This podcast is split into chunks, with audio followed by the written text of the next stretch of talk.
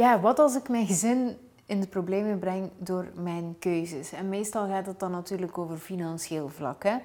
Ehm, wat gebeurt er als ik mijn dromen najaag, als ik bepaalde keuzes maak en overmorgen kunnen mijn kinderen geen boterhammen met chocola meer eten? Want dat is wat we denken. We denken dat overmorgen dan alles naar de vaantjes is. En ehm, ik denk dat we daar eigenlijk mee mogen beginnen. Met dat stukje van um, je gezin dat in de problemen komt door bepaalde keuzes die je maakt, door een bepaald verlangen dat je eigenlijk aan het volgen bent. Wanneer is het ook effectief zover? Kunt je die pakken? Want dat gebeurt niet van dag op dag. En pak nu dat je verlangen najaagt en dat je bepaalde keuzes maakt en je ziet dat het financieel toch niet haalbaar is, dan kun je nog altijd twee dingen doen. Dan kun je zeggen van, hé, hey, ik doe het even iets trager. Ik ga even trager vooruit, zodat we meer ruimte hebben financieel. Wat dat niet altijd zo is, maar goed, binnen ons gezin. Of je kunt zeggen van, het staat even on hold.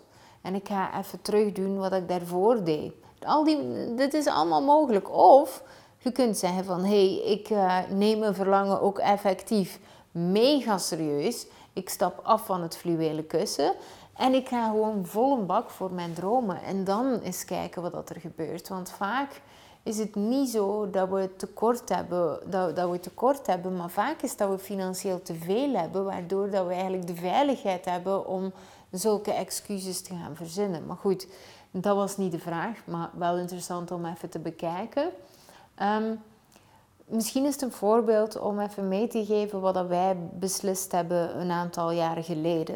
Um, we hebben beslist om een huis te bouwen. Vond ik super spannend. Ehm, vooral omdat op het moment dat we het huis begonnen bouwen, had ik eigenlijk helemaal nog niet gigantisch veel uh, financiële middelen. Alleen wist ik wel van, hey, van zodra dat, dat huis er staat, hè, dat was ook zodanig opgebouwd, zodat een deel kon verhuurd worden via Airbnb, wat onze kosten uh, qua hypotheek, maar ook onze vaste kosten zou dekken. Dus dat huis was eigenlijk een, een, uh, een inkomstenbron. Maar ja, goed, het is allemaal mooi als één keer dat dat huis daar staat. Maar terwijl dat gebouwd wordt, is het vooral een uitgavenbron. Uh, dus, dus, dus dat was spannend. En uh, ook al hadden wij ons huis daarvoor met best wel wat winst ver, ver, ver, verkocht, dan nog zaten wij met een heel gat. Waar, waar, dat ik eigenlijk nog niet had om dat huis te bouwen. En ik dacht, goed, we komen er wel. Hè. Ik had ergens berekend, wat komt er binnen qua omzet. Um, wat, wat, maandelijks, hoeveel winst ik daar ongeveer uh, op uit? Hoe lang duurt een bouw? Zo, zo ben ik beginnen nadenken. Hoe lang duurt die een bouw? Ah, een jaar en een half.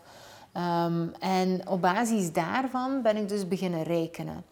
En dan leek het eigenlijk best wel haalbaar. Maar ja, goed, er mag niks gebeuren in die onderneming. Ik bedoel, er zijn, het is niet 100% zeker dat dat gaat lukken, gelijk hoe dat lukt. En um, we, we, hebben het toch op die manier gedaan. En wat ik voelde op een bepaald moment was dat, dat er minder geld binnenkwam dan dat ik eigenlijk wou. Um, ik had een bepaalde groei verwacht, maar die groei bleef een beetje uit. Ik zat in een stagnatiejaar.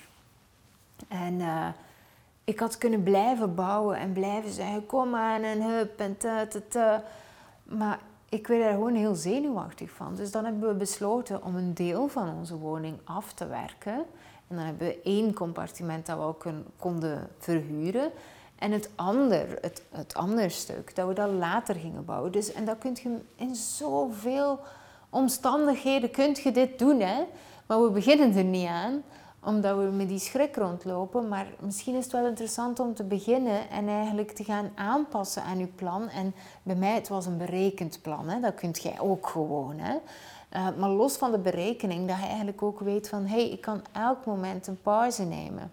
En uh, wij zijn eigenlijk een jaar later begonnen aan uh, het achterste gedeelte van ons huis. En het grappige is, ze zijn er nu nog altijd aan bezig. Dus het is nog altijd niet af. Maar ik wil gewoon maar zeggen dat we daar een vertraging, we hebben gekozen voor een vertraging, omdat dat beter voelde. Achteraf bekeken konden we het gewoon gedaan hebben. Dat is nog het grappigst van al. Maar het voelt zo lekker dat je je eigenaarschap daarin hebt en dat je dus zelf kunt beslissen en zeggen van hé, hey, het is wel goed, even, even genoeg. En we leren natuurlijk al heel vroeg, al van jongs af aan, dat we moeten doorpakken. En als we opgeven, dan zijn we dit en dat en dat. En, ehm, en, en dat, het werkt niet zo.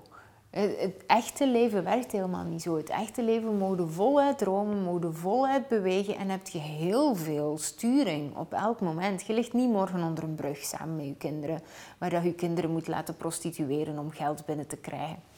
Ik weet niet, het is nu even heel extreem, maar dan, dan beseft je ook hoe dat je brein eigenlijk werkt. Want er zit zoveel tussen. En er zijn zoveel keuzes dat je daartussen kunt maken voordat dat allemaal gebeurt. Um, misschien is het wel interessant om even uh, daarvoor de challenge te volgen. Ik heb een challenge over grenzen stellen. Daar kunt je gratis voor inschrijven via kimdegraven.be slash grenzen. En daar leert je ook veel meer, want grenzen stellen is niet alleen nee zeggen. Hè. Grenzen stellen is ook ja zeggen waar neem ik geen genoegen meer met de middelmaat? Waar wil ik eigenlijk veel meer dan dat ik mezelf toegeef, omdat ik bang ben uh, dat er iets fout gaat gaan, weet ik veel wat, financieel en zo verder. En het leuke is dat in die challenge heb je, uh, hebben een stuk over geld, hè, grenzen stellen op basis van geld, grenzen stellen op basis van tijd en op basis van energie. En alleen al dat geeft je eigenlijk heel veel inzicht hoe dat je met deze soort situaties aan de slag kunt gaan als ze voorvallen. Dus dat gaat ervoor zorgen dat je veel meer bewegingsruimte krijgt. Dus kimdegraven.be slash grenzen en dan kun je meteen aan de start.